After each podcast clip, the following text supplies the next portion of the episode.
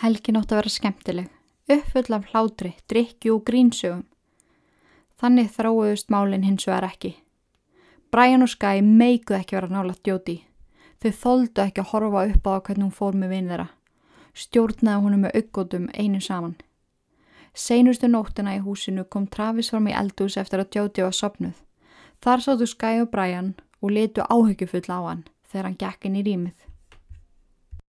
Ángríns Travis, þetta samband er eitrað. Það er eitthvað mikið í gangi. Já, ángríns, Gaur, það eru bara allt og margir rauði fánar. Hún er bara að stjórna lífinuðinu og ekki til eins betra.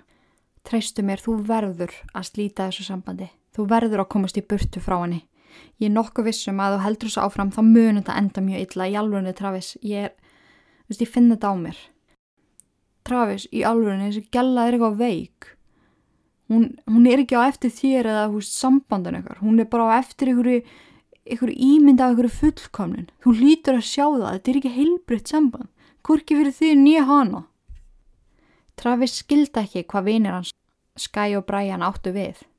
Jóti var einn besta og fallegasta manneskja sem hann hafi kynst. Hún hugsaði svo vel um hann. Hvernig þau sáu hana var bara eitthvað creep. Í alvörunni hlusta á okkur, við þau bara það besta. Við höfum alveg hitt sinnskerfa konum sem að þú hefur verið að deyta. En þetta er bara eitthvað annað. Þetta er bara eitthvað annað mál. Engum líkar vel við hana og allir sem elska þig fá hroll þegar hún er nálægt. Það er eitthvað virkilega mikið að og þú verður að losna áður að verður um seinan, ég er að segja það Travis. Þegar Skye slefti orðinu, heyrðu þau þrusk en á gangi.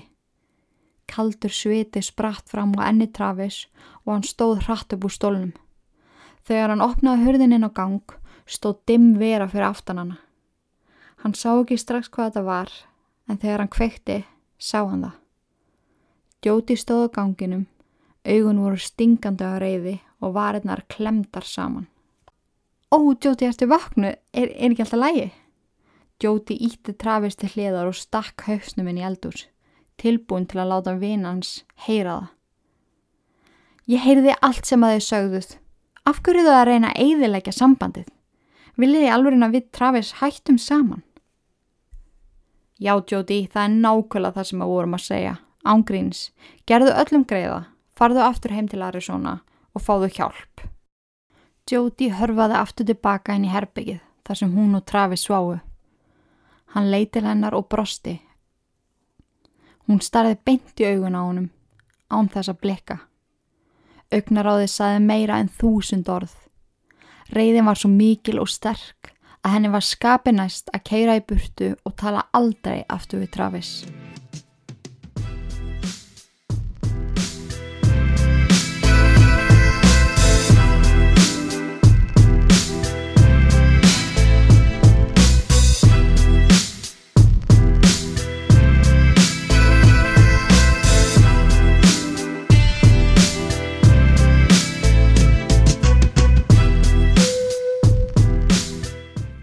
Komið sæl og verið hjartanlega velkomin. Inga heiti ég og þið eruð að hlusta á hlaðvarpsþáttin Íllverk. Ég beðist afsökunar á því hvað þátturinn er að koma út seint en það voru bara persónulega mál sem vöfðust fyrir mér og já, tafiði alveg helling.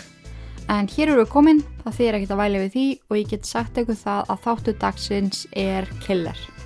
Bókstaflega. En aður við byrjum vil ég taka fram að þátturinn er alls ekki við hæfi barna en það er eitthvað við svona mál sem að heitla mig. Ok, heitla mig kannski ekki en mér þykja þau ótrúlega áhugaverð og miklu áhugaverðari heldur en þessi hefðbundnu. Glæpur sem er framinn út af ást, afbreyðsami og losta. Og mér finnst það kannski áhugavert því að þetta eru aðstæður sem að maður tengir hvað mest við. Flestir hafa upplifað það að vera ástfangin látið losta draga sig út í fáralegar aðstæður eða vera það afbreyðsamur að hugsanir sem fari gegnum hausin á manni hræða mann. Ég var allavega einu sinni verið það afbreyðsum að á tímabili mátti kalla þetta þráhyggju og hálgerða geðveki. Býða við MSN alla nóttina, sætla minninga, senda 100 SMS án þess að var svar eða ég vil keira heim til manniskunar því að ég var vissum að það væri eitthvað vafarsamt í gangi en margar rannsóknir sína að afbreyðsemi sé ein eitraðasta tilfinning sem hægt er að upplifa og getur hún oftur verri en hatur eða mikil reyði. Afbreyðisemi skekkir raukhugsun og sumir sem hafa upplefað mikla afbreyðisemi hafa gert hluti sem þeir geta ekki tekið tilbaka. Jodi Arias er ein af þeim sem misti algjörlega geðhilsuna vegna afbreyðisemi og losta. Mörg ekkar hafa örgla heyrt um ál hennar en hún var á tímabili einn umdeldasta kona bandaríkjana. Sumir voru að þeirri skoðun að hún hafi verið leikinn grátt af Travis Alexander sem spilaði með tilfinningar hennar á meðan aðrir töldu hann að vera geðsjúkan morðingja. Í þessum páskaþætti skulum við fara yfir máli hennar og við skulum hafa það bak við eirað að hlusta með opnum hug. Það verður áhugavert að sjá í hvaða átt við höllumst þegar á máli líður. Ástar, Tragédia, Jodi Arias og Travis Alexander, gjöru þið svo vel. Travis Viktor Alexander var fættur þann 28. júli 1977 í Riverside, California. Það kemur ekki margt fram um barnæsku hans en þegar hann rættan af fólk talaði hann frekar um allar hindrannar sem hann komst yfir í staðin fyrir að tala um hvað hann áttir hillilega erfitt. Fóreldra hans þau Pamela og Gary voru bæði langleittir fíknefna neytendur. Einn á heimilinu var mikil ringurreið og þurfti Travis á sann sískinu sínum sjö að sjá um hvort annað. Pappi þeirra var lítið heima og mamma þeirra alltaf uppdópuð af meth. Svo það eina sem að þau vættu börnunum var þakk yfir höfuð. Ekki mikið meira en það.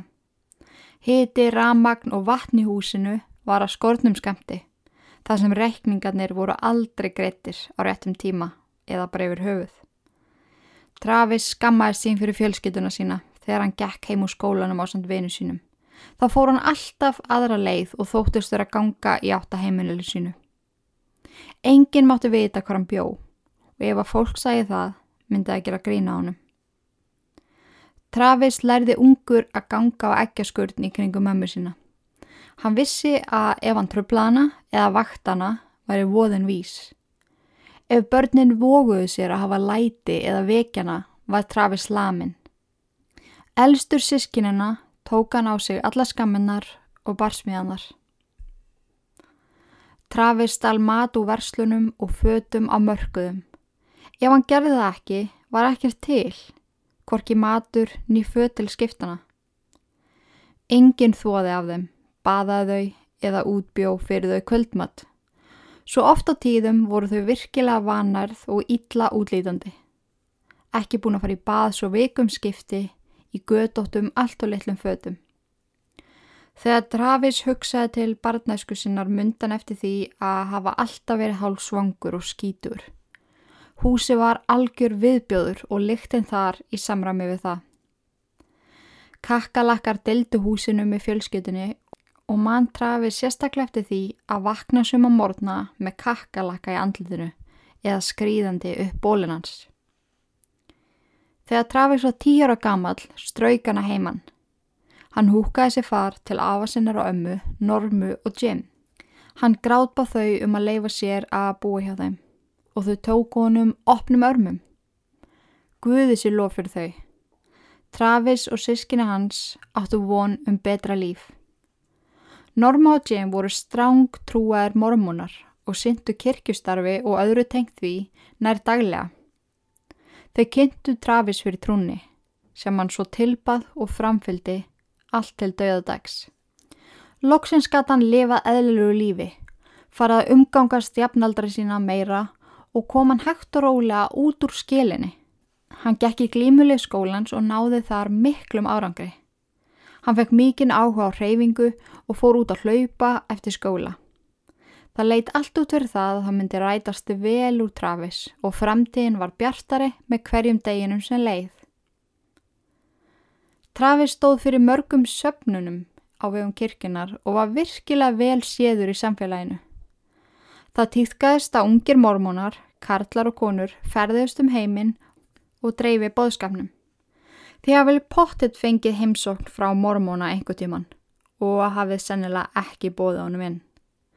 En næst þegar þið fóðu tækifæri til þess myndi ég bjóða þeim inn í kaffi.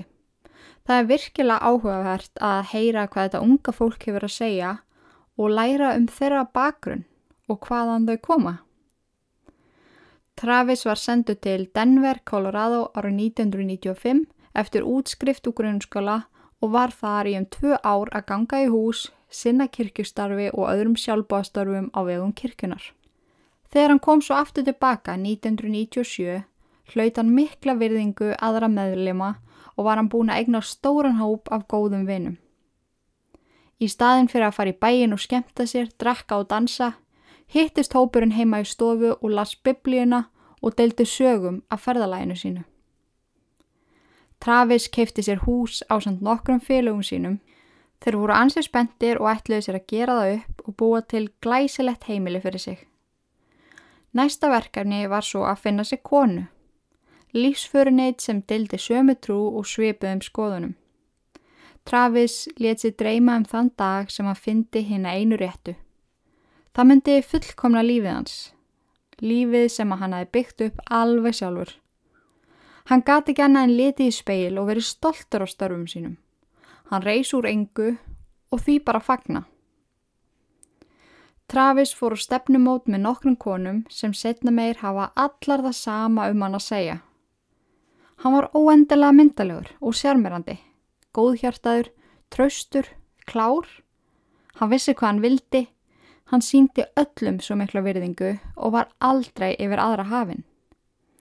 Punkturinn yfir yfir var hvað hann var ótrúlega jákvæður. Hann náði einhvern veginn alltaf að snúa aðstæðum yfir í eitthvað jákvægt. Konunnar sem deyðduðan urðu oftar en ekki einar af hans bestu vinkonum en þær gátt ekki hugsa sér að slíta samskiptum við hann þrátt fyrir að ástasamband hafi kannski ekki gengið upp. Árið 2000 kynntist Travis Diana Reed. Þau kolfjalli fyrir hvort öðru, en hún var einnig meðlimur mormónakirkjunar. Þar sem að hún var aðeins yngre en hann átti hún eftir að fara í tveggjára ferð á vegum kirkjunar, en þau lofuðu hvort öðru að taka aftur saman eftir hún kemið aftur tilbaka, sem að þau svo gerðu. Allt leit út fyrir að Diana var í konan sem að Travis hafi leitað af og eftir að hafa verið í fjarsambandi í nokkuð tíma flutti hann til Mesa, Arizona til að vera nálætt henni. Þrátt fyrir að vera bæði strángtrúið tók lostin yfir og eftir hálft ár, nær stanslöft saman, stunduðu þau kynlíf utan hjónabands. En í reglum mormonutrúar er kynlíf utan hjónabands synd.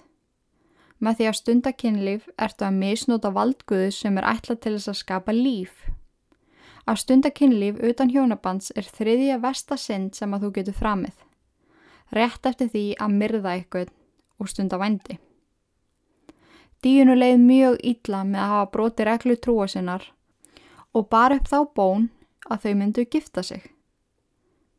Þráttur að hafa verið leita eiginkonu var Travis ekki tilbúin til að gifta sig. Hann leiti samræðunar út í eitthvað annað og gæti aldrei gefið henni beint svar. Þar sem henni fannst hugur hans ekki vera á réttum stað og hann erði líklegast ekki tilbúin í brúðköp á næstunni, sleit hún sambandinu. Samkvæmt rannsóknum Darlene Lawson sem er fjölskyldur aðgjafi er algengt að börn sem upplifaða Samu Travis uppliði í æsku eigi þá til að bakka í burtu fyrir fólki þegar það er orðið of náið þeim. Börn sem hafa þurft að standa á eigin fótum frá blöytu barspenni geta ekki hugsa sér að missa sjálfstæðu sem tók öll þessi ár að byggja upp og tilhugsunin við að þurfa að treysta á okkur annan er þeim ofviða. Tilfinningarnar sem Travis uppliði kakar Diana gætu verið vegna vandamála ár æsku sem hann hafði í rauninni aldrei unnið úr og voru að skjóta upp kollinum í ýmsum aðstæðum í lífi hans. Hann vissi samt sem áður að það var mikill missir að missa Diane því að hún var mikill fengur og sambandslitin vóið þungt á hann. Hann vissi ekki hvað var að honum og akkur hún leið skindilega eins og hann væri ekki tilbúin. En síðan eru aðri félagar hann sem að segja frá því setna meira hann hafi ekki viljað festa sig. Hann hafi viljað skoðað fleiri valkosti, kynast fleiri konum og njóta lífsins aðeins lengur sem einhleipu maður.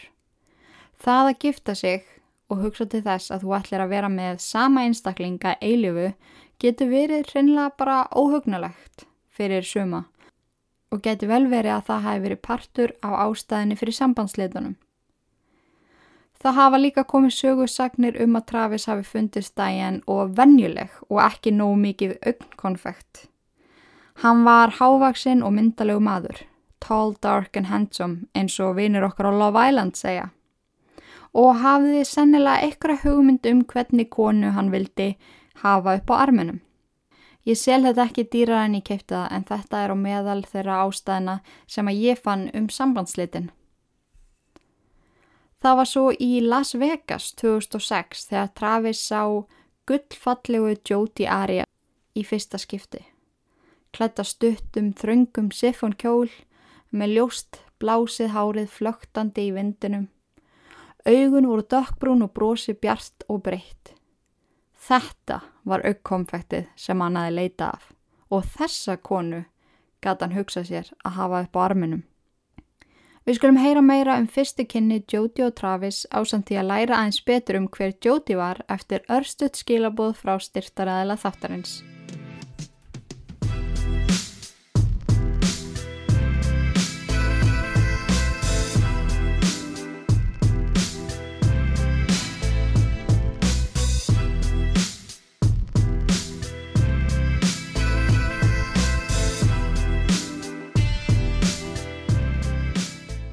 Hvernig er að ganga hjá ykkur að stunda líkamsrækt og aðra reyfingu í samkofumbanninu? Personlega er ég mjög duglega að fórt að hlaupa og í göngutúra með hundum minn. Það hvetur mig líka ótrúlega mikið að halda áfram að nota vörurnar sem ég notaði þegar ég var að mæti ræktina. Það er eitthvað svo ótrúlega peppandi við að fá svo gott pre-workout og próteinseka og halda aðeins í þetta minnstur sem að maður hafi notast við áður en þessi ósköp riði yfir. Það sem að ég nota ótrúlega mikið og mun líklegast ekki koma ykkur neitt ávart, það sem að ég hef sagt ykkur mjög oft frá sem vörum, þá er það Fatburner, BA Endurance og Cookies and Cream proteinið. Þessa vöru fást hjá Leanbody og ég er það heldegin af þessari heilugu þrennu að það var búin til spes tilbóðspakki inn á leanbody.is undir nafninu pakkinnar Ingu Kristjáns. Ég veit fyrir víst að mörgu ykkar hafa pantaðan og eru farin að elska þessa vöru jafn mikið og ég sem að mér finnst alveg geggjað. En fattbörnurinn brennir leiðindafitinu auk þess að gefa manni auka orku. Virkar svolítið eins og góður morgun kaffebóli ekki skemmir að nótkun á fattbörnir dregu verulega úr nammið þörf svo þetta endalösa mönns er ekki án algengt sem færist verulega í aukana þegar maður er mikið heima og er stanslöst í návið við nammiskúfuna Bia Endurance færi manni skerpuna og úthaldið og gerir gungutúrin og útilhaupið eða bara hvað sem að þeirra gera mikla ánægilegra og árangus meira. Það er svo geggjað að henda í cookies and cream proteinpönsur í kaffetímanum aðeins svona til að pimpa upp á þessa blessuðu daga sem að geta margi hverji verið ansi gráir og boring hreinlega. En kíkja endilega á pakkamein inn á leanbody.is og ef að þið sjáuð eitthvað sem að ykkur langar í inn á síðinni er ég líka með 15% afslátt fyrir ykkur með kóðanum Inga Kristjáns. Kíkja endilega á þetta. Höldum áfram að hreyfa okkur og pimpum aðeins upp dagan okkar. Leanbody þín markmið, þín grein.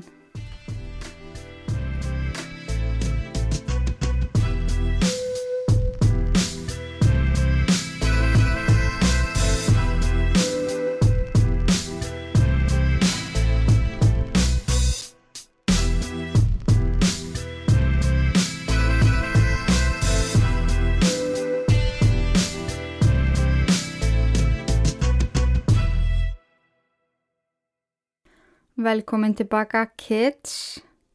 Ég ætla bæði að nota orði kids mun meira þar sem að valli félagi minn er alltaf að gera grína mér fyrir að nota þetta orð. Og þegar hann hermir eftir mér þá smjattar hann eins hátt og hann getur og tala gæðt formlega. Komið sæl kids, þannig að valli, skýtti þig. Moving on. En Jodie var fætt það 9. júli 1980 í Salinas, Kalifornia.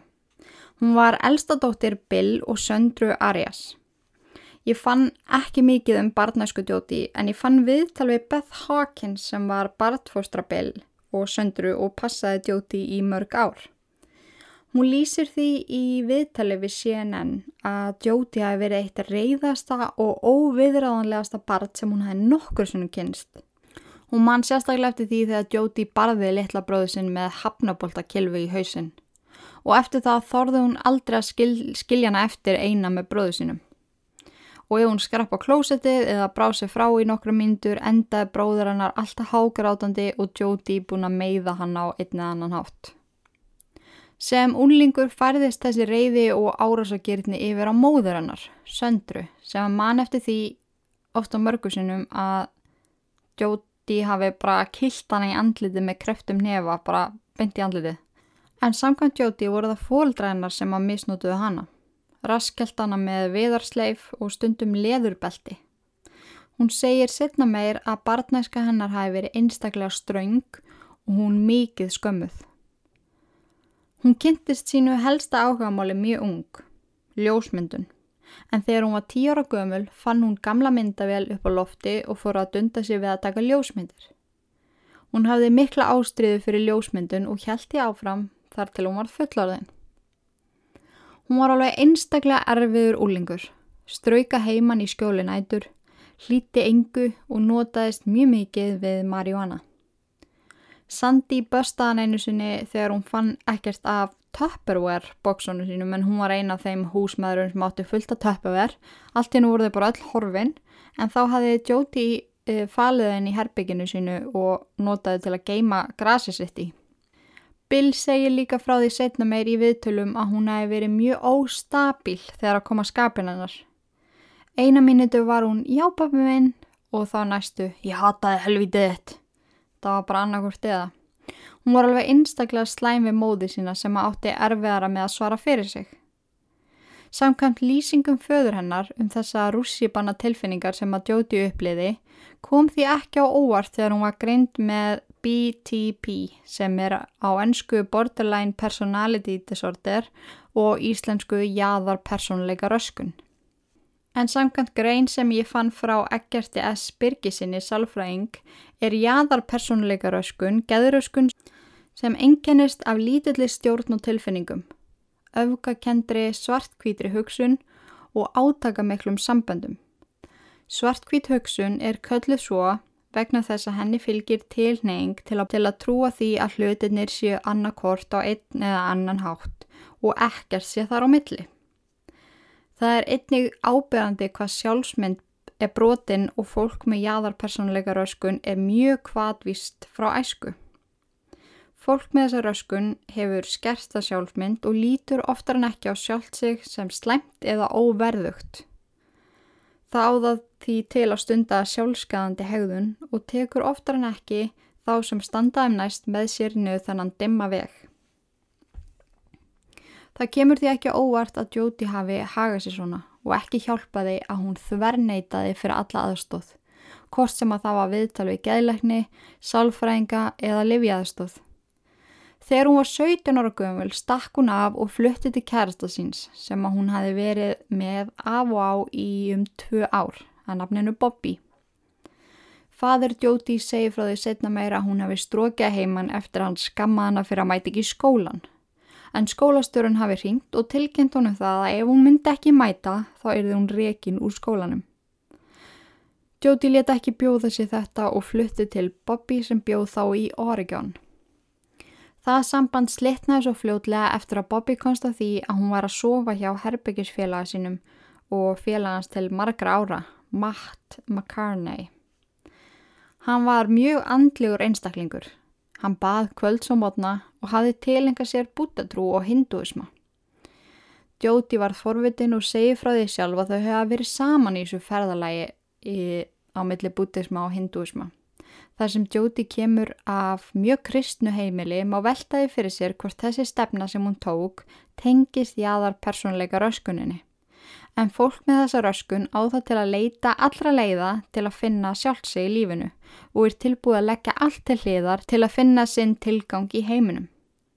Sem ég myndi nú segja væri alls ekkit óalgengt, þú veist, öll eru við að reyna að finna tilgang okkar í lífinu, En þegar maður hefur kynnt sér sögutjóti og allar þær trúr sem hún tók upp á sinni æfi, getur maður ekki annað en hugsa til þess að hún hafi gengið í lið við allt sem var í bóði, bara til að fylna tilgang og fitta inn. Jóti hætti svo með honum eftir hún kom að honum með annari konu. Hún fluttist þá til Big Sur í Kalifornia og fór að vinna hjá Ventana Inn and Spa árið 2001. Skömmu eftir hún fór að vinna þar varð hún mjög skotin í hinnum 42 ára gamla Daryl Brewer sem var yfirmaðurinn hennar en þarna var hún bara 22 barn. Hann var nýskilinn og átti þryggjara gamlan són sem að tröflaði Jóti ekki neitt. Ári síðar eða árið 2002 fór Daril að vinna annar staðar og þá hóst samband þeirra á milli. En áður hafði samband þeirra verið lindamálið þeirra þar sem að hann var, nú, hann var yfirmarinn hennar og það hafði alls ekki verið vel séð inn á vinnustanum en sögur hafa farið um að hann hefði skiptum vinnu til þess eins að geta verið í sambandi með djóti en hann heldur því sjálfu fram að svo hafi ekki verið.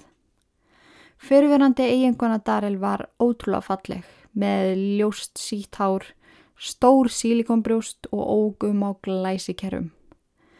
Daril talaði oft um það við Jóti þegar hann var í glasi að hann hafi aldrei vilja skilja við hana. Hún hafi krafist þess. Hún hafi vilja byrja nýtt líf eftir að hafa grenst gríðarlega og tekið sér í gegn líkamlega og andlega. Það sögði á Jóti þegar hún heyrði hann tala um fyrirvændi konunum sína. Tók segja, hún tók mér að segja niður ljósmyndir af henni sem hengu á fyrrum heimili hjónana og hófst handa við að reyna að líkjast henni meira. Jóti aflitaði á sér ljósbrúna hárið sem hún hafði aldrei litað áður. Hún fór og fekk sér sílikon og keipti sér meira að segja alveg eins bíl og fyrirvændi eiginkona Daril ógum á. Hún vildi sína honum að hún væri ekkert síðri og hann þurfti alls ekki að sjá eftir fyrirvændi. Þessi hegðun getur einnig rent stóðum undir suma lýsingar einstaklinga með jáðar personleika röskun. En fólk með röskunina hikar ekki við það að ganga langar leiðir til að koma í veg fyrir það að það verði yfirgefið. Hún ótaðist það að ef hún væri ekki jafnfalleg og vel til höfð og fyrirvændi konunans geti hann farið frá henni. Ekki hjálpaði að fyrirvændi kærastinn hennar hafi haldið fram hjá henni hún komi að því sem getur brotið niður sjálfs ímynd hver sem er. Parið kefti sér hús í Palm Desert og loksins fannst Jóti hún vera komin á góðan stað. Henni fannst hún örug, en eftir svolítinn tíma varð húsið ekki nóg fyrir hana. Það var ekki nóg að vera bara flutt inn með honum. Hún vildi meira. Henni langaði að gifta sig og eigna spörn. Þegar hún bar það upp uh, við Daril tjáði hann henni það að hann væri nú þegar búinn með þann pakka og hann væri bara alls ekki tilbúin að endur taka leikin. Þessar upplýsingar breyttu öllu og fljótlega slitnaði upp úr sambandi þeirra. Árið 2006 fluttið Daryl út og Jóti var ein eftir á heimilinu þeirra sem að þau hafðu keift sér saman. Hún gæti ekki hugsað sér að flytja úr húsinu. Hún elskaði það, en átti samt sem áður ekki efna á því að reyka heimilið einn. Þegar aðstæðar hennar bárustu tals í vinnunni sagði vinnufélagi Jóti henni frá fyrirtæki sem heitir PBL, Prepaid Legal Services, sem heitir í dag Legal Shield. En þar gæti hún eignast auka peninga með því að ganga í lið við eitthvað skona píramítastarðsemi. Jóti fannst þetta mjög áhugavert og spurði vinnufélaga sinn spjörunum úr sem bendi henni á það að þann 7. september 2006 er þið ráðstefna í Las Vegas á vegum fyrirtækisins. Hún ákvaði að fara þangað og læra meira um hvernig þessi starfsemi virkaði. Skemmtilegt nokk en á ymmið þessa ráðstefnu ætlaði Travis Alexander líka að mæta á. Travis gæti ekki annað en þakka Guði fyrir velgengni sína. Hann gekk um stórfenglega gangaspilavítisins í Las Vegas þar sem ráðstefnan var haldinn og hugsaði til þeirra tíma þegar hann held að róttur væru gæludýr og það að vera alltaf svangur væri eðlilegt. Hann var framkvæmda stjóri hjá risa fyrirtæki. Hann stýrði yfir hundra manns og fórum öll bandaríkin og hjælt fyrirlestra. Hann fjekk yfir 100.000 dollara í árslaun sem svamsvara rúmlega 14,5 miljón íslenskra króna. Hann þakkaði trúni og hversu hart hann hafi unnið að akkurat þessu mómenti. Þegar Travis og samstarfsfélagar hans voru komnir af matsölustæðnum inn í spilavítinu stoppaði eitt þeirra og hilsaði falleri, ljósaðri konu sem stóð einn og horfið í kringu sig líkt og hún væri að býða eftir einhverjum. Travis gæti ekki enna en starað á svo ótrúlega fallegu konu. En þegar hún brosti breyða kvíta brosinu sínu enn og aftur var Guð að beina honum í þá átt sem hann átti að fara. Hann greifnaði því fram í fyrir félaga sínum sem varð fyrir til að helsa og rétti konunni hendina og kynnti sig. Höndin hennar var fingerð, mjúk og augnaráði kynþokkafullt. Hæ, ég heiti Jóti. Gleði með að kynast þér. Þau voru strax fóð þessu augnabliki nær óaðskiljanleg. Hann leti hana um spilavítið og útveða henni besta sæti á ráðstemninni. Um kvöldi bauðan henni í koktelbóð þar sem að hæst launuðustu starfsmenn fyrirtækisins voru heidraðir. Hún var svo glöð með bóðið og flýtti sér upp á hótelherbyggi og klætti sér í fallegasta kjólinn sem hún átti.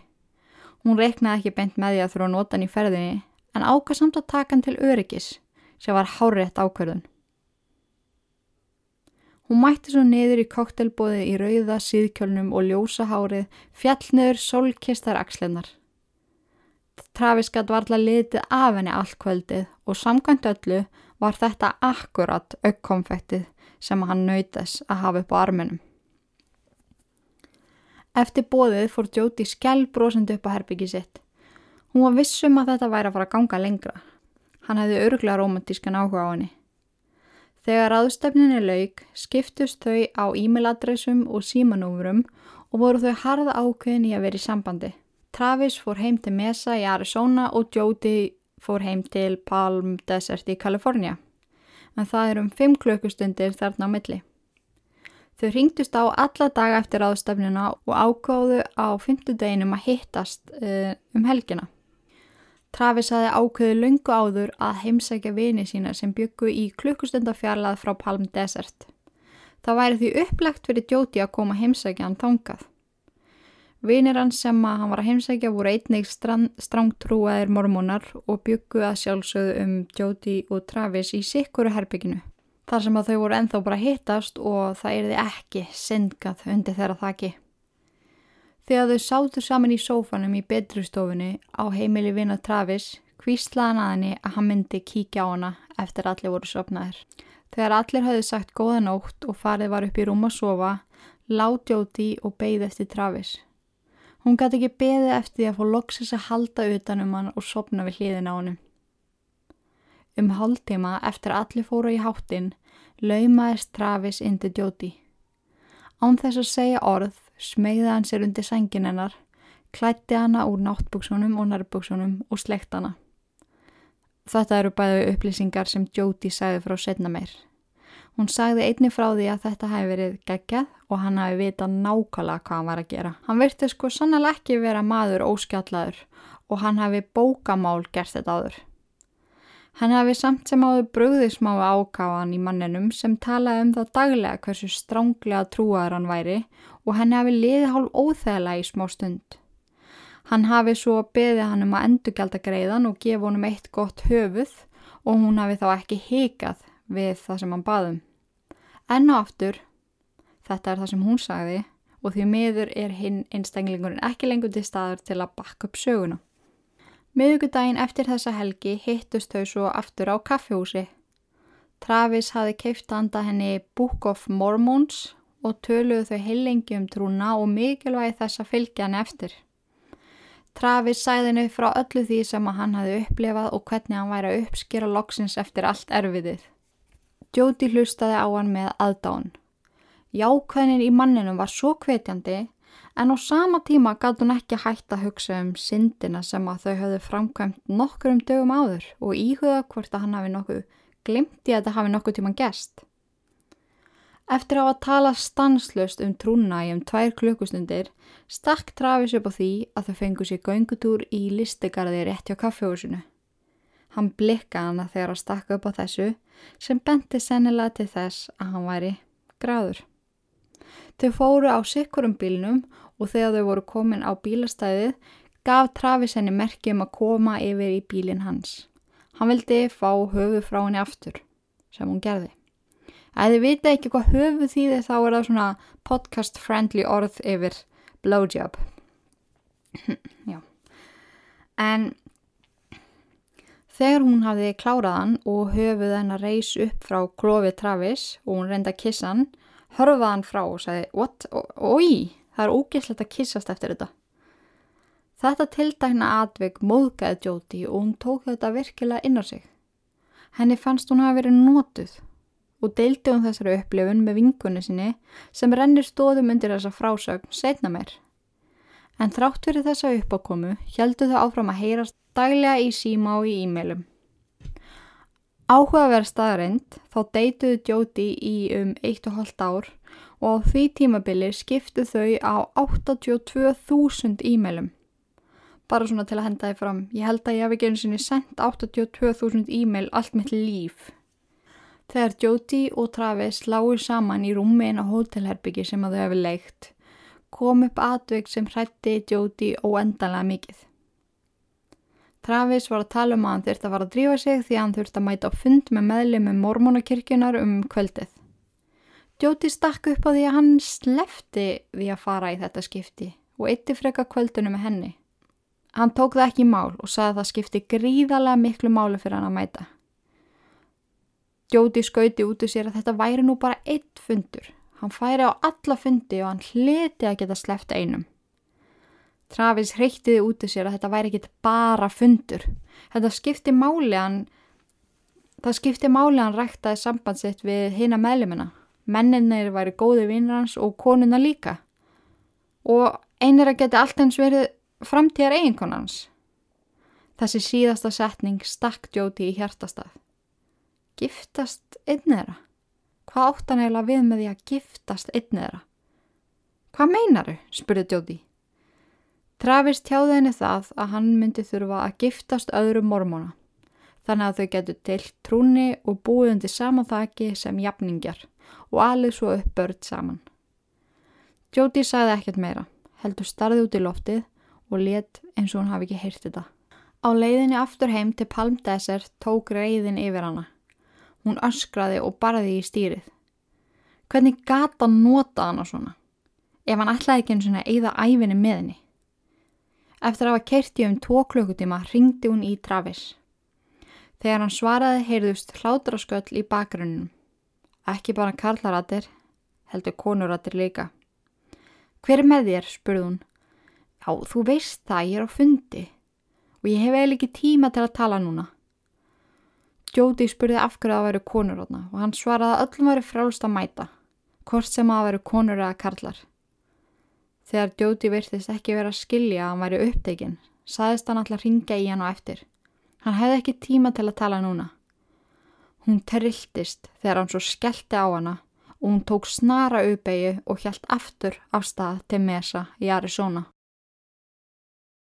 Travis var sopnar þegar Jóti komst loksins á leiðarenda sem var heim til hans. Hann var ansi hissa þegar hún stóð allt í henni inn í herbyggin hans. Hún saðist ekki meika að vera án hans og skreið upp í rúm til hans. Þau kistust og stunduðu munmög langt fram á nótt. Þegar þau hafði lokið sér af tilkynnti Jódjónu það að hann ætlaði ganga í trúnans og gerast mormóni. Hann varð hálf hissa og orðlaus en þau hafðu bara verið að hittast í um tvo mánuði. En hann tók frettunum svo fagnandi þar sem að tilgangur hans var nú einu sinna að dreifa bóðskapnum og ef henni langaði að ganga í trúna væri henni velkomið að gera það. En þarna komum við aftur að hegðun djóti að ganga hvaða vegalengt sem er til svo forðast að vera yfirgefin. Það að hann hafi sagst alltaf giftast annari konur hrætta hana og hún skildi gera hvað sem er til að það erið hún sem væri konan hans á hendanum. Þetta renni stóðumundi það sem ég sagði á þann að þegar ég var að tala um að hún var að ganga úr trú í aðra trú bara eins og ekkert var eðlilega og það væri ekkit endilega hún að reyna að finna sér í lífinu heldur bara hún að reyna að passa upp á það að vera ekki yfirgefin. Núna skilja ég kannski af hverju mér fannst um, ekki í lægi að vera stökka úr kristintrú yfir í hinduisma, yfir í buddhisma og svo yfir í að vera mormóni þetta er svona já, meikar ekki alveg sens Travis sagði bestu vinnu sínum Sky og Brian frá fréttanum um að stelpann sem hann var að hitta ætla að ganga í trúna. Í staðin fyrir að garga úr ánægju eins og hann hefði búist við af þeim, horfðuðu hvort og annað með skrítnu augnaráði og síðan lituðu á hann og áhyggjurnar skinu úr augum þeirra. Er ekki svolítið skrítið að hún ætla að ganga bara í trún og skiptum trú eftir að hafa bara þekkt í tvo mánu? Er það ekkit skrítið? Travis fullvisaði þau um það að svo væri ekki. Þetta væri mjög áhugaverð stelpa sem væri opinn fyrir trúni og alltaf tilbúin að hlusta á það sem hann hafði að segja. Það væri eitthvað til að fagna fyrir ekkar hann að hafa ágjuraf.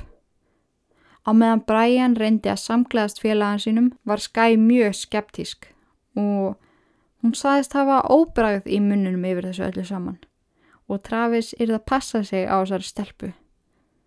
Þetta væri eiginlega of gott og skrítið til að vera satt. Þar sem Travis var einna formunum mormónakirkjunar í Mesa tók hann þátti í skýrdjóti inn í mormónakirkjuna. Parið fagnaði eftir aðtöfnina í mat og drikk og eftir það lág leiðin heim til Travis. Um leið og í gengu innum dyrtnar færðist heiti í leikin. Þau kistust og klettu hvort annað úr fötunum.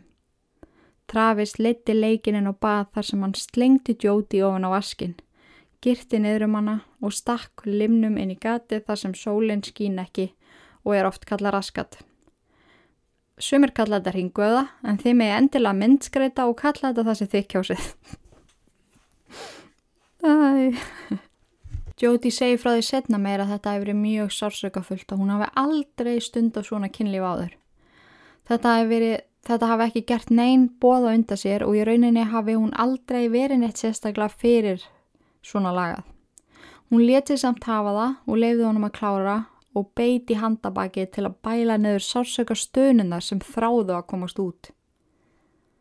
Eftir skýrnina náðu Jóti og Travis ekki að hittast í um þrjár vikur. Það var brjálega að gera hjá honum í vinnunni. Jóti fann fljótt fyrir miklum einmannleika og saknaði hans. Það dugði ekki að tala bara endalust saman í síma og í gegnum e-mail.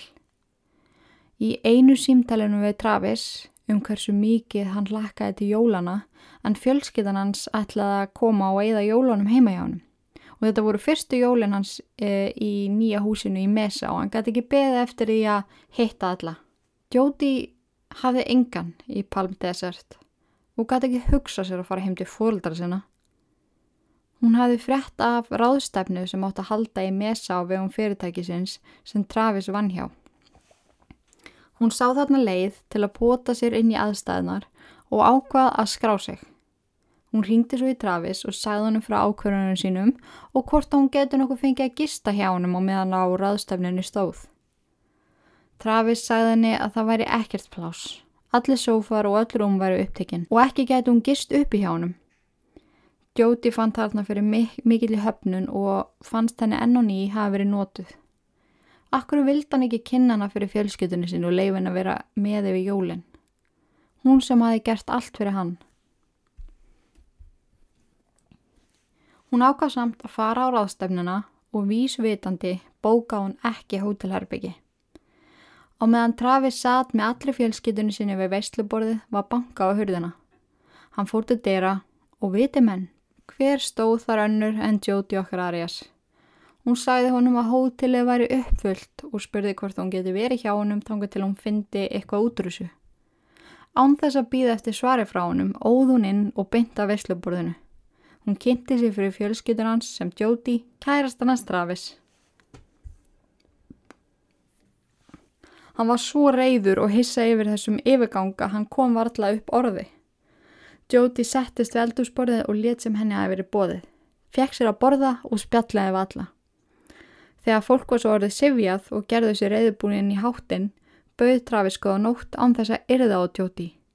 Hann fór upp í herbyggi sitt og læsti á eftir sér og vonaði að hún myndi ekki eldan. Þegar Travis vaknaði daginn eftir skaut minningarkvöldsins upp í kollunum á honum. Hvað hafði Jóti eiginlega verið að pæla? Þessi hegðun hann var algjörlega fáráleg. Hann vonaði að fjölskyttan hans hafi ekki tekið þetta óalvarlega og þetta aðdögg myndi gleymast. Hann þurkaði stýrnari úr augunum og gekniðu stegan. Hann stoppaði þegar hann hafi gengið helminginarstegunum og hjælt að hann var að sjá offsjónir. Hvað var þetta eiginlega undir jólatreinu? Hann nær og sá betur hvað það var. Þetta var Jóti. Hún hafi eitt nóttinni í nefri undir jólatreinu og notaði kápuna sína sem kotta. Skiljanlega eftir þetta atvik breytist samband þeirra gríðarlega. Travis var fjarlægur og Jóti skildi bara ekki akkuru. Í janúar 2007 gerði hún sér ferð til Skye og Brian, bestu vina Travis, og sagði þeim að hún yrði að fá að tala við þau. Hún væri algjörlega ráðþróta. Travis ringdi bara í hana þegar hún vantaði eitthvað og var ekki tilbúin að koma til móts við hana á nokkun hátt. Hún satt við eldursporðið, anspænist þeim og hágrið. Hún elskaði hann svo mikið og hún fyndi það svo sannlega ekki tilbaka frá hann. Hvað var það eiginlega sem hún var að gera vittlust? mögulega sofandi jólatrennu en ok. Brian og Skye reyndu að ráðleggja henni og gáttu ekki annað en vorkendinni. Henni þótti greinlega mjög veintum hann. Hann hafi nýlega kvart hana til að deyta aðra menn og þegar hún svo gerði það, kallaði hann hann að druslu. Hann leik leiki sem Jóti skildi ekki og Skye gæti ekki annað en varið kynsistu sinna. Eftir að Jóti fór frá þeim, sendi Skye Travis e-mail um að hann verði að bera meiri virðingu fyrir henni. Hann gæti ekki haldið áfram að þykjast vera þessi stóri kall, hleyða öllu sem hann kemst upp með þegar það kemur að kvennfólki. Hún sagði honum að ef hún ætti sýstur sem væri hrifin á honum, væri hún með miklar ágjör af henni og myndi líklega að spanna hann að deyta hann.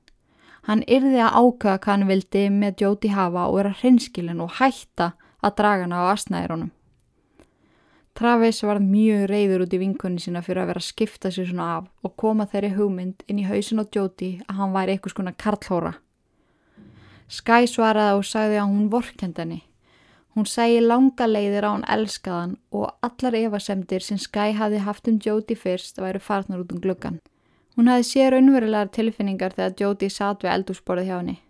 Travis var búin að leika svo mikla leiki með hana að hún þorði ekki lengur að segja hennum frá neinu sem hún var að gangi gegnum því að hún var svo hrættum að missa hann. Þau heldu áfram að skiptast á e-mailum og rýfast yfir því hvernig Travis hafi komið fram við Jodie. Brian, eiginmaður Skye, saði frá því setna meira að hann hefði aldrei séð konunum sína svona reyða og hvað þá að hakk rýfast við eitthvað í gegnum e-mail. Þau ákvöðu samt að vináttu þeirra væri mikilvægri en hvort þeirra hefði rétt fyrir sér og ákvöðu að hittast og ræða málinn. Þarna hafði Jóti nokkru sinnum í viðbútt komið heim til hjónana og deilt áhegjum sínum og Skye hafði haldið utan á manna og reynda hugana. Þegar hins og að Travis aði sína hliða á svellu saman runnu og hjónin tvær grímur. Hún hafði til dæmis ekki nefnt það að hafa rauðstun á heimilans og serstuð veisluborið eða farið að sofa undir jólatrennans. Skye sað hann um alla sólasöguna og Travis saðist ekki kannastu helmingina því sem hún var að tala um. Sem vinkun á Travis til margra ára gat hún ekki annað en trúa honum og fór hún þá að evast um orð Jóti. Hvort hún væri að þessu fyrir orkun. Frá með þessu augnabliki var Skye virkilega var um sig þegar að koma samskiptum við Jóti. Þrátt verið allt sem hafi gengið á hjá Travis og Jóti helduði áfram að eiga samskipti. Henni til mikillar hamingu en í februar 2007 baðan hana að vera kærustuna sína sem var það eina sem hún hefði þráð að heyra.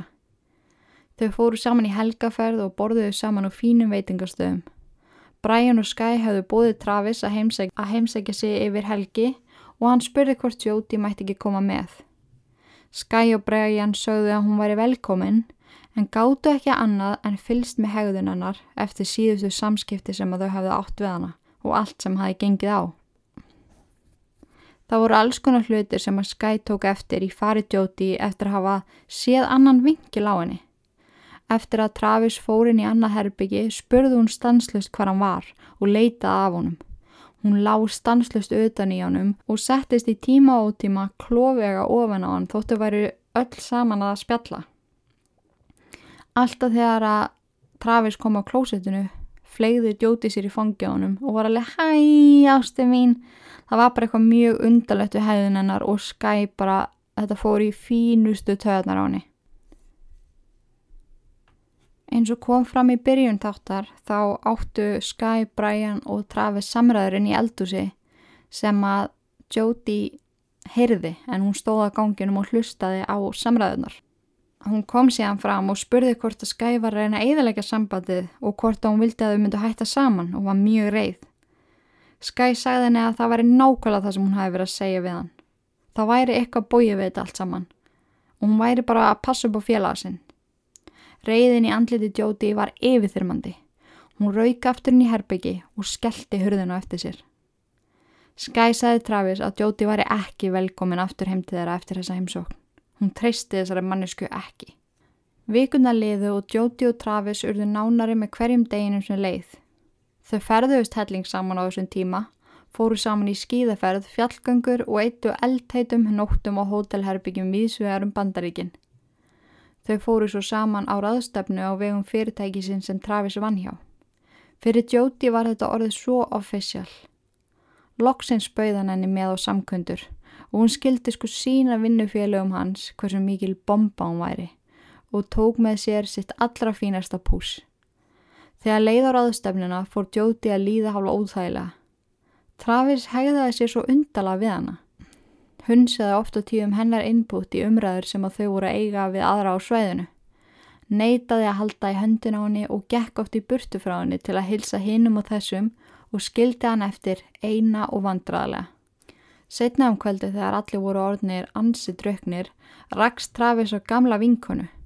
Hún var vel í því og, hátt, og hætt að ráða við pinnahælana.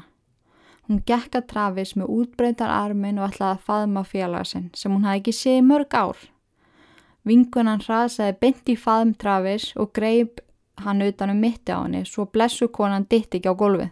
Hún vafði höndunum utanum hálsin á hann og þakka hann fyrir og sagði það er ógíslega gaman að sjá þið Travis. Ég, bara, ég er ekki tjók ég er. Það er svo gaman að sjá þið og bara elska þið Travis. Já, hún sagði þetta orðrætt. Hann stutti hann að borðið þar sem að fleiri sátu og ætlaði sér að reyna að losa sér mjög mjúgla við þessa veldröknu vinkonu. Á leðinni þangað halla hann höfðin á aukslinn á honum. Takk fyrir að björga mig Travis, ég var alveg hellum maður og ég var bara að fá að setja stæðins niður Travis. Ángist Travis, þú er góð maður sko. Hún sagði þetta, já, orður rétt. Jóti stóð eftir og reyðin yfir tók hana. Hún saði sjálf setna meir að hún hafi þurft að beita öllum sínum kröftum til að fara ekki að hágráta. Hún meikaði ekki að gera það fyrir framann alla. Í staðin gaut hún augunum á Travis þegar hann loksins leiti upp af druknu vinkoninni. Snýri sér svo hratt við og raugin á baðherbyggi. Hún satt þar inn á bása kvennaklósutinu og hágrét. Hvernig gata hann hagri svona bynt fyrir fram hann andlitið á henni? Dægin eftir var hún harð ákveðin í að leggja þessari konu línunar. Hún beigðin á veitingastað hótelsins eftir að konan kem í morgumatt. Þegar blessum konan kom með sólgleru og alveg grútun gekk Jóti askvaðandi að henni og baði henni um að koma með sér henn á baðherbyggi. Konan fylgdi henni, ótrúlega hissa á þessu öllu saman. Jóti króaði hann af inn á einu horni baðherbyggisins og tjáði henni það að hún og Travis væru saman þegar var að fara að gifta sig og hún skildi ekki voga sér að koma nálat honum. Hún hjælt henni inn á baðherbyggi í nokkar mínútur þar til vinkona konunar kom til að leita henni. Þessi kona segi setna meir að þetta hafi verið ótrúlega skítið, hún hafi sjaldan á æfinni liði jafn óþægila. Þetta hafi verið svo creepy og asnalett einhvern veginn. Frettir að þessu aðviki fór hún svo eldur um sínu á milli þeirra sem sátur aðstæfnina og fyrir hann varði voru allir farnir að líta hortnu á djóti. Travis fannst þetta svo vandraðalegt og reyndi að gera það upp í huganum hvort hann ætti að láta verða að því að slíta sambandinu. Of mikið af undarlegum hlutum höfðu komið upp á og hann var alls ekkert vissum að hann fylgdi þetta mikið lengur. Einhvern veginn náðu þau samt alltaf að halda sínu streiki. Travis gaf henni í gjöf bók sem heitir Þúsund staðir sem þú verður að heimsækja áður að þú deyrð. Þau tjekkuðu all nokkra staði af þessum lista eins og Niagara Falls, Rock'n'Roll Hall of Fame, Grand Canyon og fleira. Og Jóti var þarna orðin svo yfir sig ástfangin á Travis og setningin ég elska þig voru svo oft næstu búin að renna út um varið hennar en hún vildi ekki vera fyrst til. Það var svo einn daginn sem þau fóru saman á samkomu í kirkju. Travis var að halda fyrirlestur uh, pottit um hver hérna, mikilvægt að stundi ekki kynlíf fyrir hjónaband áður en maður gifti sig og hversu mikilvægt er að fylgja trúni og þú bara fer til helvíti sig og syngar. Hún er mikil restnari þessi maður, en ok. Jóti satt við hliðin á koni sem var nágranna kona Travis og ágættis vinkonans líka. Og þær fóru bara svona spjalla um daginn og veginn og konan spyr hvernig gengur hjá þeim. Jóti saði að sambandið væri töfrum líkast og hún væri líklegast og nú færi líklegast að líða því að þau fara að plana brúðköp. Þetta kom nefnilega nágranna koninni í jöfnu sköldu þar sem að hún var vissum að þau væru að hætta saman eða alveg að fara að hætta saman, miða við það sem að Travis hafi sagt henni nokkur dögum áður. Hann sagði hann að sambandi væri ekki að ganga upp og hann ætlaði að slíta í. Konan ákvæði samt að kinka bara kurtisislega kolli og segja sem minnst og spurja svo bara Travis út í þetta þegar hún hefði tækið færi til. Setnaðan hann sama dag hitti hún Travis þegar hann fór út að sækja postinsinn. Hún sagði honum frá samtalinn sem hún áttu við Jóti og hversu hissa hún var þegar hún fór að tala um vantarlegt brúðkaup. Hann var niðurlútur og halvandralegur og viðkendi að hann væri mögulega búin að draga Jóti á asnægirunum í svolítinn tíma. Þetta væri ekki sangjant á honum og að halda henni svona í myrkrunum mikið lengur væri ekki hægt. Hann erði að slíta sambandinu. Once and for all. Um sumarið 2007 var farið að halla verulega undan fæti í sambandinu þeirra. Drátt fyrir það að samtal Travis og nákvæmkonunnar hafi verið bara þeirra melli þá fann Jóti að það var eitthvað að. Það, það, það var nefnilega útrúlegt, í gegnum allt þetta mál og meðan ég var að resorta þetta, þá fann hún ógeðslega oft á sér hvað var að fara að gerast og brást einhvern veginn við því, svona eins og hún hefði verið meðal svakalega undir meðvitund. En hérna, já, einn daginn þar sem að, hérna, Jóti lág upp í rúmi á Travis og hann var í styrtu, þá fór hún í gegnum síman og fann þar SMS frá honum til fullta kvenna. Hún var alveg vissum að hann væri búin að vera að halda fram hjá henni og þetta hefði bara allt saman verið of gott til að vera satt. Þarna fór lélega sjálfsýmyndin hennar á fullt og hún kendi sjálfur sér um. Hún var umuleg, ekki nógu sæt og ekki nógu spennandi. Hún ágað samt að segja ekkert þar sem þau voru á leið í tveggja veikna ferðalag daginn eftir. Hún vildi ekki skemma það, þar sem hún taldi að þetta erði líklega síðasta ferðin þeirra saman. Alla ferðina voru mjög ólík sjálfur sér. Vanalega var hún sjúk í hann alltaf að kissa hann og knúsa en í ferðinni var hún fjarlægð var hún fjarlæg og hafði engan áhuga á hennu kynferðislegu. Þegar þau komu heim úr ferðinni ringdi Jóti í Travis eftir að hafa kert heim til Palm Desert. Hann leiti á síman og var í smástund óvissum hvort hann ættir hennilega að svara. Hann ákvaða samt að gera því að hann þekkti Jóti og ef hann svaraði ekki núna myndi hún bara halda áfram að ringja og ringja og ringja. Hann svaraði algjörlega óvis um hvað hún geti mögulega haft við hann að segja eftir að voru búin að eigða tveim heilum vikum saman. Ótrúlegt en satt, þá sæði Jóti honum upp.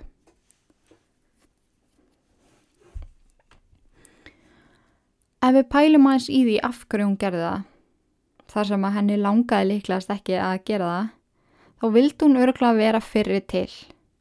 Henni var búið að líða lengi eins og hún væri að missa alla stjórn og með því að segja honum upp tók hún við stjórninni. Hún sað honum einni frá því að hún hefði farið í gegnum símanan sem að pyrraða hann alveg verulega. Þau enduðu símtalið á þeim nótunum að þau varu betri ánkos annars. Þrátt fyrir sambandslitin helduð áfram að heyra snær daglega. Travis ringti hann á kvöldin til að aðtöfa hvernig hún hefði það. Hann gat bara ekki látið hann að vera, það var bara svo leiðis. Að því að hann var yfirlegt alltaf fyrir til eftir að þau ákveða hætta að tala saman eða eitthvað svo leiðis en símtölinn þróuðist yfir í símakinnlíf sem á þau stundun er daglega í marga vikur. Eitt kvöldið satt Jóti við síman og beigð eftir að Travis myndi ringja eins og vennilega, en í þetta skipti gerði hann það ekki. Hún ringdi í hann en ekkert svar. Hún reyndi að ringja nokkur sinum í viðbund og síminn fór beint í talhulfið. Jóti fann sterka ónótutilfinningu yfirtaka líkama sinn. Nú var eitthvað í gangi sem var hárætt hjá henni. Travis var að eigða kvöldunum með stelpu á nafninu Lísa. 19 ára gömur ljósar og falleg sem var einni meðlimu kirkjunar. Þau hafðu kynst á samkomu nokkrum vikum áður og hafðu síðan þá skipst á SMS-um. Hann fann hvernig minningin um Jóti kvarfur hugans og nýtt skot tók við. Ekki löðu löngu þar til Travis og Lísa voru farin að sjást saman reglulega, leiðast og kissast. Það eru meira að segja til myndraðum leiðast og kissast. sem að þau tóku bæðu ekki. Á ég að segja ykkur af hverju þær eru til? Já, það er að því að Jóti tók þar. Þegar hún hafði ekki heyrt frá honum í nokkra daga, kerði hún til Mesa og satt um hann. Hún eldi hann í vinnuna, satt fyrir utan vinnustæðan hans þar til að hann kláraði, kerði það eftir honum þar sem hann fór til að hitta Lísu og tók myndir af öllu sem hann gerði. Hún var svo reið og hún var svo sár og bráðlega átti ílt afl eftir að taka yfir hana. Hún varð að grípa til ykkur aðgerða, aður hún misti Travis endanlega. Hún ákvað þarna að selja húsi sitt í Palm Desert og fann sér íbúð á leigu í Mesa, tíu mínútum frá heimilið Travis og fluttist þangað. Þegar Travis rakst á hana út í búð fara söguna tvennar um þann hitting. Samkvæmt Jóti var hann alveg ótrúlega ánaður að sjá hana og glattist yfir því að nú getuði eitt meiri tíma saman. Hann hafi hjálpað hann að flytja, búðist til að geima dót fyrir hana sem hún hefði ekki pláss fyrir og fleira.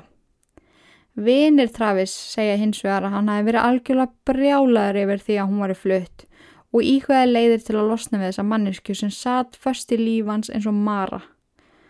Hvor sagan er sann veit ég ekki, en eitt veit ég að þetta skref sem Jóti var að taka var ekki að fara að gera neinum gott. Travis og Jóti rákust hvort á annað reglulega út í búð. Skiljanlega að þau byggur nánast í sömu göttunni. Jóti sað honum frá fjárrags örðuleikum og spurði hann hvort hann vissi um einhver laus störf.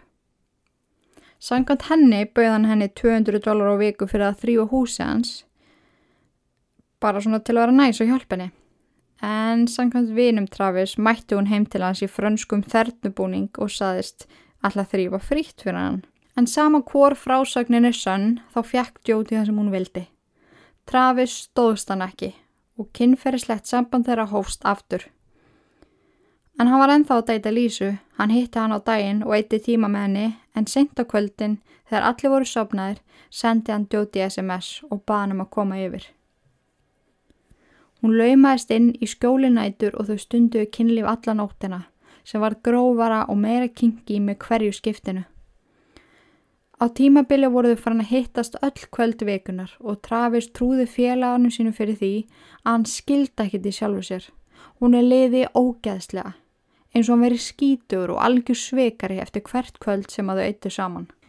Jóti fór að bjóða sjálfur sér heim til hans þegar allir voru að vinna. Klætti sér í fötin hans, kúrði í rúmin hans og las dagbækunar hans sem hann delti hugsunum sínum í. Eitt daginn fóð vinu Travis heim til hans til að sækja eitthvað sem hann hafi glemt daginnum áður. Þegar hann kom nær húsinu fylgti lykt af nýbögum smákökum vitans. Þegar hann opnaði dyrnar kom Jóti fram með fullandiski smákökum og böðunum. Travis hafði ekki hugmyndum á hún værið aðna. Allar dyrnar voru læstar og hún ekki mennin að likla. Það kom svo í ljós að hún hefði unni með það að þrýsta sér í gegnum hundalúuna á hurðinni og gerði sér heimkomna á meðan Travis var í vinnunni. Eitt fallegt sumakvöld ákvöðu Lísa og Travis að horfa á mynd saman. Þegar helmingurinn af myndinni var búinn hafðu bæði sopnað í sófanum. Travis rumskaði við að hundurinn hans skellti á neðurhæðinni. Hann stökk á fætur til að aðtóka að væra að tröfla hundin og fann þar Jóti standandi í eldúsinu að borða afganga á kvöldmatnum sem hann og Lísa hafðu verið að snæða saman fyrir um kvöldið. Hann spurði hana hvað hún væri alveg að gera þarna og hún tjáði hann um það að þegar hún sáði tvö saman upp í sófa einum glukkan hann hún ákveðið að brótast inn. Hann raka hann út úr húsinu og passaði að læsa öllum hörðum, öllum glukkum og hundalúinu á eftir henni. Dæin eftir gekk Lísa að bilnum sínum sem að var fyrir utan húsi hans Travis og fann þar pappisnifsi undir rúðuþurkunni. Á miðan hann stóð Þú ert að brjóta tröstguðus og í hver skipti sem þú leifir Travis að sofa í rúminuðinu þá ert að senga. Ef þú vogar að vera undir sama þakja hann, einu sinni viðbútt, mynd þú sjá raunverulega ílsku. Þú mótt skammast þín í dag og það sem eftir er að lífinu dröstlaðin. Travis vissi nákvæmlega hver hafi skilið miðan eftir og ringdi í djóti. Hann sagði henni að þarna hefði hún gengið á land og baði hann um að láta sér í friði og lísu líka. Nokkrundum síðar var búið að skera á öll dekkinans Travis þegar hann ætlaði vinnuna. Að einskjari tilvilun, örgla bara tilvilun, rendi Jóti í hlað til hans og bauðst til þess að fara með hann að sækja ný dekk sem hann þáði. Hún skuttlaði honum aftur heimt með dekkin í aftursætunu og hjálpaði honum að skipta þeim út. Hann þakkaði henni kærlega fyrir og hjælt af stæði vinnuna. Þegar, þegar vinnudeginu var lokið og leiðan slá heim til Lísu var hringt í hann. Það var djóti og hún sá hann að hann var að beigja í vittlös átt, húsið hans var ekki þess átt. Travis skellti á hana. Hann var komið nóa því að hann var að elda hann út um allt og fylgdi hann hvert einasta skref sem hann tók. Jóti og allt sem fylgdi henni var fara að taka sinn toll á Travis og sambandur hans við Lísu. En í mæ 2008 flutti Jóti í burtu frá Mesa, Arizona. Peningarnir voru orðnið reysa vandamál hjá henni og hún flutti þá til afasinn og ömmu. Travis segi frá því í dagbúkinu sinni þann 21. mæ 2008 að hann hafi fyrsta skipti í ár ekki heyrt neitt í Jóti heilan dag og hann hafi elska frelsið sem að fyldi því. Ekkert drama, ekkert vesen og hann skrifaði líka að þetta var að öruglega það besta fyrir þau bæði. Lísa kemst svo að því í lókmæ að Travis er búin að vera að halda fram í hann með Jóti nánast gegnum allt sambandið þeirra og slítu sambandinu. Á þessum tíma voru flest allir vini Travis gengnir í heilagt hjónaband og hann var svo eini sem var stanslust að dandalast með konum, eins og hann tækiði ekki alvarlega hversu mikilvægt hjónaband væri. Vinir hans bregðu þar áð að koma hann á deitt með stelpaðanafninu Millie, sem var einni meðlemur í mormonakirkjunni. Travis fjálst á það að fara með henn á stefnumót og þau tvö smetla strax. Millie var útrúlega góð stelpa og hann fannst hann geta treyst henni fullkálega. Eina vandamáli var að hún var ekki tilbúin að brjóta reglur trúarinnar á netnátt, ekki eins og smá. Kossar, kúr, munmög og kynlíf var eitthvað sem að hann var ekki að fara að fá frá henni. Ekki fyrir hann myndi ganga í heila þjónaband með henni. Hann skemmti sér konunglega með henni, hlóa brendurunum hennar og hlínaði hjartanu þegar hún rósaði honum. En Travis var orðin allt og vanur því að fá sínu framgengt. Eftir að hafa deyta Millie í svo litin tíma brotnaði brotnaði hann algjörlega undan lostanum og sendi Jóti SMS sem var þarna ekkert búin að heyri honum í næstu mánuð. Það hófust handaði við að senda kynferðislega SMS fram og tilbaka og rukka hvort annað um nektamindir. 28. mæ 2008 sendi Travis henni SMS sem hljómaði eitthvað neginn svona. Ég hugsaði um þá daglega að þrýsta limnum djúft inn í þig. Ég saknaði þess hversu mikil drusláð ert í rúminu, tilbúin að gera hvað sem er til að þóknast mínum þörfum. Og þótt að þessi mjög ljótt SMS þá er það í grófum dráttum það sem að Travis fannst um Jóti svona í heldana litið. Þráttur að vera afturkomin í samband með Jóti held hann áfram að hitta Millie. Hann bauði henni á ráðustefni í Cancún á vegum Legal Shield og hún þáði bóðið og var mega spennt fyrir því að eigða tíma með honum. Samá dag og hann bauðinni ringdi hann í Jóti. Þau stundu eldteitt símakinnlíf sem Jóti tóku upp án þess að Travis vissi af því. Þegar hún fretti af því að hann hafi bóðið Millie til Cancún var hún brjáluð. Enn og aftur leiðinni eins og hún hafi verið nótuð og hún hafi verið, hún hafi lefta. Hún notaði upptökuna gegn Travis. Ef hann myndi ekki breyta með hannum og bjóða henni frekar, myndi hún dreifa upptökunni. Þetta vald sem hún hafði yfir Travis hrætti hann óstjórnlega. Ef þessi upptaka myndi leka, ætti hann í hættu um að missa allt sem hann hafi byggt upp og sambandi með Millie. Næstu dagar eftir hótununa voru skrítnir. Travis var fjarlagur og Millie pikkaði upp. Eftir stanslösar tilrönu til að kæta hann, gafst hún upp og ákvaði að gefa honum speys. Nokkrundum síðar heyrði hún í honum og sagði honum að það væri líklegast best ef þau erðu bara vinir. Hún skildi það mjög vel ef að hann vildi bjóða ykkur um öðrum den Cancún. Hann stóð fastur á því að bóðið stæði enþá og miðin væri á nafninu hennar og ágöðuði að fara saman sem vinir. Jóti var ekki sátt með þetta og hótaði Travis öllu yllu. Þau rifust heftala í gegnum e-mail og þar kemur til dæmis fram að hann hafi sagt við hana Þú ert það versta sem hefur nokkuð tíma komið fyrir mig. Please láttu mér í friði og ekki koma nálat mér aldrei aftur. 1. júni 2008 keirði Jóði af stað frá heimilu ömmu hennar og afa. Hún aði planað það að hitta vinkunni sínar sem byggu í Pasadena í Kaliforníu og fara svo með þeim í heimsóti vinkvenna sinna sem byggu í vestjórdan í Júta. Hún leiði bíl fyrir ferðalægið og hafði svo sambandi fyrirhandi kærasta sinn Daril til að fá í láni hjá hennum bensíndanka sem hún planaði að hafa í skottunu á ferðalæginu. Hún saði hennum að með þessu ætla hún að spara sér tíma. Hafa frekar áfyllingu í bílnum svo hún þurfti ekki að stoppa endalust á bensinstöð. Hún kerði frá Varíka til Pasadena þann annan júni og stoppaði þar í Valmart í Salína á leiðinni og keipti þar þriðja bensidunkin ásand því að kaupa dökkbrúnan hárlitt. Hún gisti á vinkonu sinni í Pasadena þetta kvöld, ásand því að leta sér hárið heima hjá henni. Sennilega svo enginn myndi þekkja hana þegar hún myndi gera næsta stopp sem yrði í Mesa. 3. júni fylgti hún alla tankana af bensinni. Þegar hún var búinn ringdi hún í vinkunni sinna í Júta til að láta hann vita af því að hún væri á leiðinni og hún myndi líklega slenda hjá henni daginn eftir, eða þann 4. júni 2008. Þetta gerði hún til að búa til fjárvestasönnun. Hún slefti því að segja vinkunni sinni þá staðurend að hún ætlaði að stoppa stutt í mesa, sem var algjör krókaleið. Þegar hún hafi skellt á vinkunni sinna í Júta tók hún batterið úr símanu sínum og settaði hans gálfið. Hún keirði alla nóttina án þess að stoppa og notaði bensíni í töngunum til að forðast að stoppa á bensistöð. Klukkan fjögur aðfara nótt 4. júni 2008 bakkaði djóti bílnum sínum inn í innkeysluna hjá Travis. Hún fjarlæði númeraplötunar af bílnum og kom þeim fyrir í skottinu. Hún sótti töskunni sína og gekk upp að heimili Travis. Útidra hurðin var ólæst eins og svo oft áður. Hún fór inn án þess að láta vita af sér og gekk upp stegan í átta herbyggin hans. Hann lást einn sofandi og hafði ekki hugmyndum hver væri um það bila lauma sér undir sengin hans.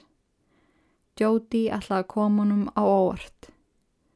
Óvæntu glaningur sem átti eftir að breyta lífið þeirra begja að eilífu. Við komumst að því hvað Jóti var að gera heima á Travis Alexander í parti 2. En hann verður inn í fyrsta áskriftapakka illverk.is. En það 19. april 2020 verður síðan opnuð og þið getur tryggt ykkur áskrift á aukaefni. Ásamt parti 2 af þessum þætti. Þánga til, takk fyrir að hlusta, takk fyrir að vera til og í guðana bænum forðist öll illverk. Nema þetta podcast. Heyrumst í parti 2 í áskriftapakka ílverk.is. Verðið sæl.